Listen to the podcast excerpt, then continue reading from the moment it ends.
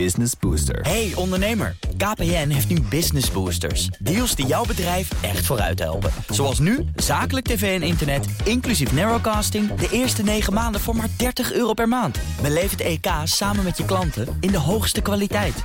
Kijk op kpn.com slash businessbooster. Business Booster. BNR Digitaal wordt mede mogelijk gemaakt door Incentro, een IT-bedrijf. BNR Nieuwsradio. BNR Digitaal. Blankenstein. In vergelijking met begin maart is één bitcoin nu ongeveer 30% minder waard geworden.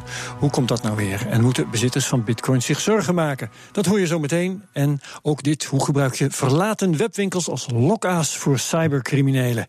Mijn backup is vandaag Ben van den Burg van IT-bedrijf Tuppel. Welkom. Ja, dankjewel. En we beginnen met de technieuws. Daarvoor is Ivan Verrips zojuist binnengekomen. Ivan, DigiD heeft nu ook een app. Ja, je kent DigiD natuurlijk van de Belastingdienst en van de Sociale Verzekeringsbank. En ik ook nog van mijn studieschuld bij Kijk. de dienst uitvoering onderwijs. Ehm, maar DigiD, daarmee kan je inloggen bij overheidsinstellingen met je gebruikersnaam en je wachtwoord. En als extra laag kan je ook een sms'je laten sturen. Eh, voor sommige diensten is dat verplicht. Authenticatie. Exact, voor sommige diensten is dat verplicht. Voor anderen is het nog eh, een keuze. Je kan het ook overal aanzetten. is wel een tip om dat gewoon altijd te doen. Nou, sinds vandaag is er een app. Ehm, wat je steeds vaker ziet, is dat dat sms'je wordt vervangen door een code die dus inderdaad in zo'n eh, authenticator-app wordt gegenereerd. Alleen wat bijzonder is aan die app, je hebt je wachtwoord niet meer nodig. Je voert je gebruikersnaam in. Met de app scan je een QR-code en dan ben je binnen. Dus eigenlijk valt Is het dan nog wel two-factor? nou, inderdaad, zat ik ook te denken. Je hebt wel een pincode nodig om in die app te komen. Eh, dat wel, maar ja, het idee van eh two-factor is eigenlijk dat je één vaststaand ding hebt en één random ding. En ja, het vaststaande ding, je wachtwoord, dat hoef je niet meer in te voeren. Ik, heb een beetje het- ik stel me die vraag wel eens vaker. Ik heb ook een of andere financiële app. eh, die kan ik via de PC gebruiken. Dan is het mobieltje de, de tweede factor. Maar ik kan hem ook via het mobieltje gebruiken. Mhm. Andersom. En als ik dan die sms binnenkrijg op eh, Ja. eh, het mobieltje... heeft dat geen extra waarde volgens Ja. mij. Dus dat is heel interessant. Daar moet misschien wat meer over worden nagedacht. Zo daar. Apple gaat meer apparaten uitsluiten van updates. Ja, een eerste beta van het nieuwe besturingssysteem, iOS 10.3.2, is namelijk niet beschikbaar voor iPhones en iPads met een 32-bits processor. En dat geldt dus al voor iPhones vanaf de iPhone 5 en de iPhone 5C. En dan snap je wel dat na een tijdje, hè, als telefoons 20 of 30 jaar oud zijn, ja, dan kunnen ze niet meer ondersteund worden. Maar die iPhone 5 die is nog geen 5 jaar oud. En bij Ja. de volgende update wordt hij dus niet meer ondersteund. Wordt er allerlei lekken niet meer gedicht. Lekker is dat. Lekker is dat inderdaad. Eh, ook allerlei apps die dan niet meer werken. Het gaat om 187.000 apps die opeens niet meer werken. Dat zijn allemaal apps die al heel lang niet meer bijgewerkt zijn. Dus misschien is het ook wel juist veilig. Hè? Maar ja, Ja. toch best wel eh, nou, een flinke stap om al die miljoenen telefoons moeten dat zijn. in één keer uit te sluiten van Het ver- laatste woord verdere is daar updates. vast nog niet over gezegd. Ehm, Domino's gaat in Nederland pizza's bezorgen met een bezorgrobot. Ja, daar is die hoor. We hebben het er vaak over gehad. Veel geëxperimenteerd in de VS natuurlijk. Nou, dat gaat nu in Nederland ook gebeuren binnen twee maanden met kleine bezorgrobotjes. Er wordt nog gezocht naar een eh, geschikte locatie door de RDW. Eh, er is natuurlijk een reclamefilmpje. Luister even mee. De klant kan kiezen of een gewone bezorger of een bezorgrobot de pizza komt afleveren. De pizza wordt in de bezorgrobot warm gehouden in een speciaal geïsoleerd compartiment dat plaats biedt aan 8 tot 10 pizza's. Bezorgrobots worden met name ingezet in de directe omgeving en rijden over het trottoir met de snelheid van een gewone gezonde voetganger. Maximaal 6 km per uur. Nou, die dingen gaan dus bezorgen binnen 1 tot 1,5 kilometer rondom een winkel. Dus niet heel erg ver weg. Maar eh, nou ja, misschien. Maar wel zelfsturend en zo. Zelfsturend, behalve ja, bij ja. het oversteken. Dan, krijgt hij, dan moet er iemand meekijken vanaf een afstand. Dus eh, op, op straat loopt hij zelf, maar als hij over moet steken. Nou ja, eh, ik ben heel benieuwd hoe het eruit ziet. Ja, goed, daar horen we vast ook nog meer over. Dankjewel, Ivan. Nieuwsradio. BNR Digitaal. Sinds een paar maanden heeft de bitcoin het heen en weer. Zeker de laatste maand gaat het heel hard. Op 3 maart, maart deed één bitcoin nog 1200 euro. En gisteren was dat 240 euro minder. Over die onrust ga ik praten met Robert Reiner Nederhoed. Hartelijk welkom. Goedemiddag. CEO van Bit My Money. Een bedrijf waar je bitcoins kunt kopen en ook weer kunt verkopen. Jullie nemen ze ook terug. Correct. Ehm, ten grondslag aan al die onrust liggen beperkingen van het bitcoin-netwerk. Toch kun je dat uitleggen? Ja, dat kun je wel stellen. Dus sinds een jaar ongeveer zijn er meer transacties per dag, regelmatig, dan het netwerk aan kan, dan de boekhouding aan kan. En Waar ligt dat aan? Waarom kan het netwerk maar een bepaalde hoeveelheid transacties aan? Nou, toen het startte in eh, 2008, 2009, toen is er een getal gekozen, 1 MB per pagina in de Toen boekhouding. dachten ze nog, dat is voor altijd genoeg. Dat is voorlopig voldoende, inderdaad. En nou, dat heeft ook een rol. Want is vaker gemaakt. als die te snel groeit, dat heeft een aantal negatieve effecten. Ja, ja, ja. Oké, dus uh, Bitcoin knalt met zijn hoofd tegen het plafond. Uh, nou wordt er gezocht naar oplossingen. Wat zijn er voor oplossingen? Ja, dus in de software die nu draait, zitten eigenlijk de oplossingen ingepakken.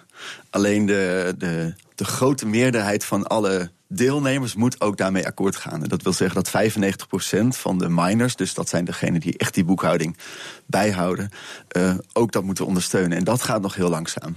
Oké, dus deelnemers, dat zijn, dat zijn personen of bedrijven die uh, ook zich bezighouden met het, het delven, zoals ze dat in goed Nederlands noemen, van, van nieuwe bitcoins. Ja, precies. Dat is ja. inmiddels best wel een industrie. Dus een soort democratische gemeenschap die ook meteen stemt over wat ze, wat ze met, in de toekomst met de bitcoin willen. Exact. Ja. ja. Goed. Dus um, daar is, uh, de, de, er ligt een oplossing, maar men is het er nog niet over eens. Ja, dus, je zou, dus de korte weg is gewoon zeggen, nou die 1 MB, dat mag ook 10 MB zijn. Dan kun je in één keer in plaats van 200.000, kun je 2 miljoen transacties per dag aan. Um, maar dat zou betekenen dat de boekhouding ook tien keer zo snel groeit. En dat heeft een aantal effecten. Bijvoorbeeld, Bitcoin is de bedoeling dat hij heel decentraal is. Dus iedereen moet mee kunnen doen. En als hij tien keer zo snel groeit, dan betekent dat veel meer dataopslag, veel meer dataverkeer. En dan zou het niet overal ter wereld meer even makkelijk te gebruiken zijn. Ja, ik moest laatst uh, voor mijn Bitcoin-app uh, de hele blockchain downloaden. Ja. Dus die hele administratie. Dat was 100 gigabyte. Ja, dat moest is echt even, echt even puzzelen om dat op mijn harde schijf te krijgen. Ja, dat betekent dat ik heb in uh, 2013 in Delft een kopje koffie gekocht. Die transactie zit in jouw boekhouding. Ja. En dat is eigenlijk best wel bizar. Niet, niet ja, maar echt. waarom maken ze ja. daar niet gewoon, uh, zeg maar, 90, dat storen ergens, dat staat vast in de laatste jaar, dat pakken we. Nee, dat kan natuurlijk niet. Je moet ook het jaar ja, jawel, hoor. Ja, er zijn wel implementaties. Dus ja. Ja, ja. Ik Herbert, heb een slechte app gekozen. En Herbert die wilde waarschijnlijk zeg maar, de volledig technisch juiste implementatie hebben. Je hebt ook de light wallets. En die houden gewoon de laatste ja, zoveel transacties bij. Ja, ja. maar goed, um, wat nu? Uh, er, is, er is een impasse. Ja, nou, er is, er is, je vroeg waarom is die koers omlaag gegaan. Ja. Er is eigenlijk een, een jaar, ruim een jaar lang al strijd. Er zijn natuurlijk honderdduizenden mensen op de wereld die met bitcoin bezig zijn. Dat zien we allemaal niet, maar die zijn er echt. Um, een gedeelte daarvan is een beetje gaan muiten. En die heeft gezegd, ja, die, die, die kerndevelopers die hebben nu een route gekozen. Wij willen een snelle oplossing. En uh, uh, die zijn dus een soort van tweede software gestart. Bitcoin Unlimited heet dat. En die geeft in één keer de mogelijkheid grotere blokken, grotere transactiehoeveelheden per dag. En wat er nou de discussie was sinds nou ongeveer een maand, is dat die, die miners begonnen te overwegen om die Unlimited versie te gaan installeren. En um, dat gaf heel erg veel onrust. En toen begon iedereen uh, zeg maar uh, te twijfelen over, oh jee, wat gaat er dan gebeuren? Nou, als dat gaat gebeuren, dat wil zeggen dat, dat je eigenlijk een splitsing van de boekhouding krijgt. Want de boekhouding zoals die nu is, accepteert niet de boekhouding nee. van die andere dus software. Tussen, tussen de, de, boekhouding oude stijl en de boekhouding van wat jij noemt Bitcoin Unlimited, die grotere blokken accepteert. Juist. Oké, okay, een splitsing van. De, en, en, want dat, ik heb wel de klok horen luiden, ik weet nog niet waar de klepel hangt. Maar dan, dan krijg je een, wat, wat ze noemen een fork van de Bitcoin. Een splitsing van de Bitcoin zelf. Ja, ja er is geen entiteit die bepaalt wat er juist is. Dat moet de groep doen. Um, en de groep bepaalt welke software gedraaid wordt. Als er twee vormen van de software draaien, dan heb je gewoon uiteindelijk twee boekhoudingen. En uh, op het moment dat die gaat splitsen, dan heb je in beide boekhoudingen heb jij een bitcoin te goed. Dus je gaat er niet echt op achteruit. Oh, wacht even. Dus je krijgt dan twee, want dat was een van mijn vragen. Je krijgt dan twee uh, bitcoins. En dan heb je niet de een of de ander. Je hebt ze dan allebei. Heb je, je, dan heb je je te goed in bitcoins in, in, in, twee, die twee, in twee boekhoudingen. Dat exact. is heel raar, want ja. ik heb maar één bitcoin-app. Wat zie ik dan? Dus als jouw Bitcoin-app de ene boekhouding volgt, zie je dat gewoon. Oh, je ziet wat jouw Bitcoin. Ja. Oké, okay. dan moet je dus weer een Bitcoin-app vinden die die andere ook volgt. Ja, en het is technisch even een uitdaging. Maar, maar... maar dit is de oplossing, dus dat splitsen. Nee, Omdat dat is, nee, nee, dat is meer het probleem. Meerdere. Iedereen wil dat eigenlijk voorkomen. voorkomen. Ja, iedereen wil dit voorkomen. Maar als er niet snel genoeg een oplossing komt. Dus de oplossing Nee, is dat iedereen ze- eigenlijk gewoon heel snel zorgt dat die miners ook die bestaande software gewoon gaan upgraden. En gewoon accepteren dat de developers een pad hebben gekozen. Dat Wat- iedereen dezelfde oplossing. En jij, wat is volgens jou de beste oplossing? is dat die we Bitcoin daar naartoe gaan, ja. Ja, wij hebben als, ja, ik, ik blijf nu voor alsnog al eh, met het bedrijf hebben we stelling genomen dat we de developers volgen zoals Bitcoin al de afgelopen drie jaar gewoon eh en dat is ontwikkeld Bitcoin wordt. Unlimited grotere blokken. Nee, nee, nee, dat, dat is dus dus dat verwerp jij. Dat Eh, is ja. software oké. beter maken, maar dat gaat te langzaam. Toch? Dat is het. Juist. Maar ehm, het is wel zo. Kijk, het heeft nu een prijs. Dus, dus de transacties worden duurder. En ehm, eh, het duurt soms langer voordat je een transactie verwerkt. Ja, Dus op dit moment. met die 1 dus, dan, dus dan moet echt wel iets gaan gebeuren. Ehm, maar ineens alles opengooien, dat heeft zulke grote gevolgen. Dat, dat zie je in de, in de prijs, maar ook technisch gezien. Dus voor ons als bedrijf zouden we dus ineens eigenlijk ons product moeten verdubbelen. Sorry. Het product moeten verdubbelen. En Ja, eh, ja, ja. technisch gezien heeft dat heel veel. bitcoins gaan handelen. Ja, ja. Maar waarom verlaagt dit de koers van de bitcoin? Ehm, daalt op een of andere manier de waarde als dat ding gesplitst zou worden? Eh, ja, je ziet wel degelijk dat mensen die eh, ook als Bitcoin als een belegging gebruiken, natuurlijk gaan kijken van ja, neemt het risico toe. En op dit moment neemt het risico toe. Nou, en dat is bijna de echte wereld. Instabiliteit in de samenleving zorgt altijd voor koersdalingen. En dus Er is instabiliteit in het systeem. En dat vind ik een vraag die de. Dus weet je, het is de democratisering. En nu eigenlijk loopt de democratisering vast. Want ze zijn het niet met elkaar eens. Wat kan je daarover zeggen? Want de ene groep zegt ja, wel splitsen. De andere zegt nee, we moeten sneller ontwikkelen. Sneller ontwikkelen is jouw manier. Ja. Wat? Nou, eigenlijk is het een zeg maar hele pure democratie. Dus aan de ene kant. Ja, maar te puur, want jullie komen er niet uit. Nee, die, dat gaat wel uitkomen. Zit, dat, of we, hè? ja, Nee, ja, ja. eh, in de loop van het jaar gaat het gewoon, gaat het gewoon opgelost worden. Ehm, kijk, eigenlijk kan je zeggen, er is nu gewoon een echte, een echte beslissing die genomen moet worden. En dat betekent dus dat iedereen zich ook daar echt mee gaat bemoeien. Eigenlijk voor het eerst hè, dat er een echte Ja, ik denk het belangrijke wel. keuze Ja. gemaakt moet gaan worden. Ja. Ja, maar het is dus bijna een test voor de democratisering. Van als iedereen er mee beslist, wat, of dan de beste oplossing komt, of een Ja. slap aftreksel. Ja, en dat, maar op zich is dan nog steeds democratie, ook als die zou splitsen. Dus ik Ja. zeg niet dat ik per definitie dat het niet mag gebeuren. Maar het zou het mooiste zijn als het lukt om het samen op te lossen. En anders dan gaat hij splitsen. En dan eh, heb ik straks een paar bitcoins in, in de, de standaard oude bitcoin en en, een paar unlimited. unlimited coins. Die je toch En ook dan- wel weer in elkaar zult kunnen inwisselen, hè? Dat kan altijd nog terugdraaien. Ja, dat wordt wel lastig. Nee, je kunt het wel verhandelen. Precies. Ja, precies. dan verkoop je de ene. en Je, je kunt dan zelf als Bitcoin-eigenaar kun je kiezen. Dan verkoop je je ene helft van je Bitcoins en je koopt er in de andere Ja, al- klopt. Want rivaliserende bij- Bitcoin koop Bij je ervoor terug. Ethereum is het vorig jaar gebeurd. Dat is een andere cryptocurrency. Een andere snel. cryptocurrency. Eh, toen was er een, een hack in een contract, dus niet in de softcode, niet in de broncode. Ehm, toen hebben de kernontwikkelaars daar hebben besloten dat terug te draaien. En er is een kleinere groep geweest van de hardcore gelovers in dat blockchain onomkeerbaar moet zijn. Die hebben gezegd: nee, dat accepteren we niet. Toen is hij gesplitst. Dus nu heb je Ethereum Classic, waarbij de hack geplaatst heeft gevonden. En iemand heeft heel veel ethers uh, buiten gemaakt. En je hebt gewoon Ethereum en daar is de hack teruggedraaid. Ja, maar ik heb En nog welke versie? Want er is eigenlijk nog maar één die telt. Welke is dat? De, de Classic staat op 2 dollar. Dus dat zijn de hardcore mensen. Ja. En die andere staat op 50 dollar. Oké, nou, we moeten er bij laten, uh, Ben. Um, maar jouw voorspelling is, jullie worden het eens. En waarover worden jullie het eens? Welke wordt het? De core. Ja, er core. zitten gewoon efficiëntiewinsten in die uiteindelijk de, de, het veel beter gaan maken. Oké. Okay. Dankjewel, Robert Reinder Nederhoed van Bit My Money. En zo meteen gaan we even terug naar de computer prehistorie, naar NS-DOS. BNR Nieuwsradio. Digitaal. Wat gebeurt er als je Windows 1.0 installeert en dan helemaal door upgrade naar Windows 10? Werken prehistorische programma's dan nog? Je hoort redacteur Ivan Verrips. We beginnen ons experiment bij MS-DOS. MS-DOS wasn't available as a retail product before version 5. It was only available when purchased with a computer, often with manufacturer-specific branding and customization. Unfortunately, there is no VirtualBox custom version of MS-DOS 3.10, so the version for IBM PC was installed as it was probably the most popular at the time. Na partitioneren en formateren met de bekende F-disk en formatcommando's wordt er geïnstalleerd. Dat was toen nog heel simpel. The official installation procedure literally just involves copying the disks onto the root of the C drive. Vanaf Windows 2.0 kon ook de muis worden aangesloten. Natuurlijk via de PS2-poort, niet via USB. En vanaf hier kon ook een eerste versie van Microsoft Excel worden geïnstalleerd.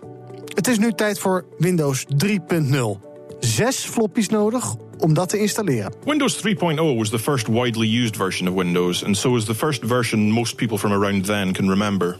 During installation, it automatically detected some of the Windows applications and created program groups for them. En vanaf hier was het ook mogelijk om het alom bekende The Microsoft Entertainment Pack te installeren. A surprisingly fun collection of random little games and distractions. This marked the first appearance of the now legendary Minesweeper, as well as the almost as legendary Ski Free, and my personal favorite Pipe Dream, which was actually created by LucasArts. Vanaf Windows 3.1 had je pas echt wat aan je PC. Je kon namelijk internetten. Microsoft made Internet Explorer versions up to 5.0 available for Windows 3.1. This was installed in the hope that it would confuse later versions of Windows, which came with earlier versions of Internet Explorer. We verlaten de DOS-based besturingssystemen en komen aan in het Windows 95 tijdperk. Most of the Windows 1.0 and 2.0 applications ceased working at this point, but the Entertainment Pack still came up no problem, as did Internet Explorer 5, despite not being the Windows 95 version. Microsoft Word and Excel were upgraded to version 2.0 and 4.0 respectively, which were still obsolete by Windows 95 standards, but worked flawlessly, even opening old documents without issue. En ook Windows 98 wordt geïnstalleerd.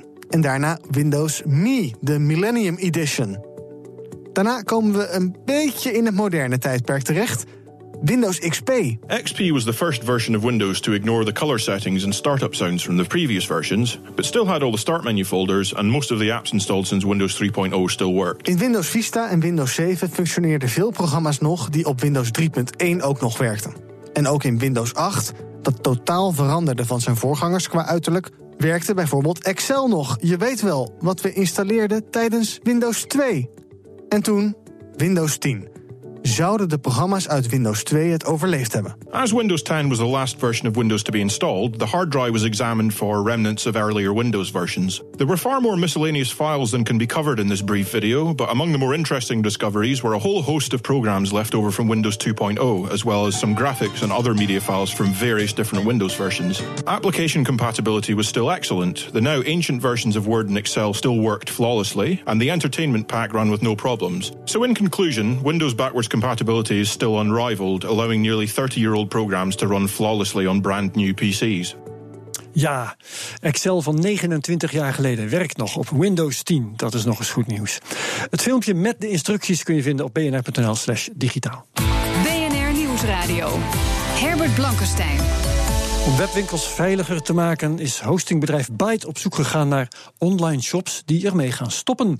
Door die webshops over te nemen kan dat bedrijf onderzoeken op welke manieren kwaadwillenden proberen in te breken bij zulke winkels. Daarover ga ik praten met Sjoerd Santema van Byte. Hartelijk welkom. Hoi Herbert. Waarom richten jullie niet gewoon zelf een nepwinkel op om misdadigers te lokken? Ja, dat hebben we gedaan. Ja. Uh, het is een leuk verhaal. Uh, we zijn ooit uh, hebben een FedEx Day gehad. Dat je een dag als alle werknemers mochten zelf bouwen wat ze willen. geen, geen grenzen, je mocht zelf weten wat je doet. Dus we hebben een shop opgezet voor merchandise. Byte merchandise, dus een trui, een shirt, dat soort dingen. Totaal vergeten. Niet gepatcht.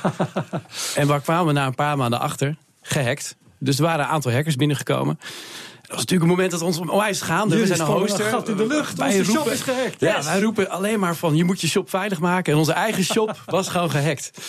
Maar op een gegeven moment was de schaamte voorbij. Hè, en dan gingen we toch eens nadenken. En toen was er in één keer het moment dat we dachten van... hey, dit is een fantastisch iets eigenlijk. Want we hebben nu een soort manier gevonden. Een soort honeypot, een honingpot.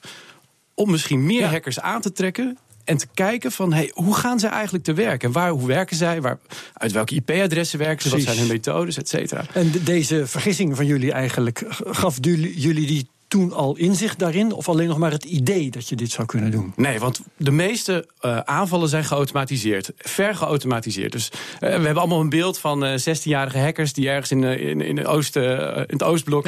eh, erg- achter een computer zitten. Dat is al lang voorbij. Dat Het zijn gewoon echt robots. professionele bedrijven... die vooral robots inzetten om, om te hacken. Dus meer dan 90% van die aanvallen eh, wordt door robots gedaan. En we hebben al uit die eerste honeypot... Hè, die eerste shop die gehackt is... hebben we al heel veel data kunnen halen... en heel veel nieuwe dingen kunnen leren... waarmee we onze klanten weer kunnen beschermen... en ook kunnen delen met de gemeenschap. Wist jij dit eigenlijk, Ben, dat, dat de meeste hackers gewoon robots zijn? Ja, ja, dat wist Dat ik. Maar wist dan is natuurlijk mijn vraag, hoe? Ja. Dus die ja, dan geef een paar, eh, dus een paar tipjes. Wat doen ze?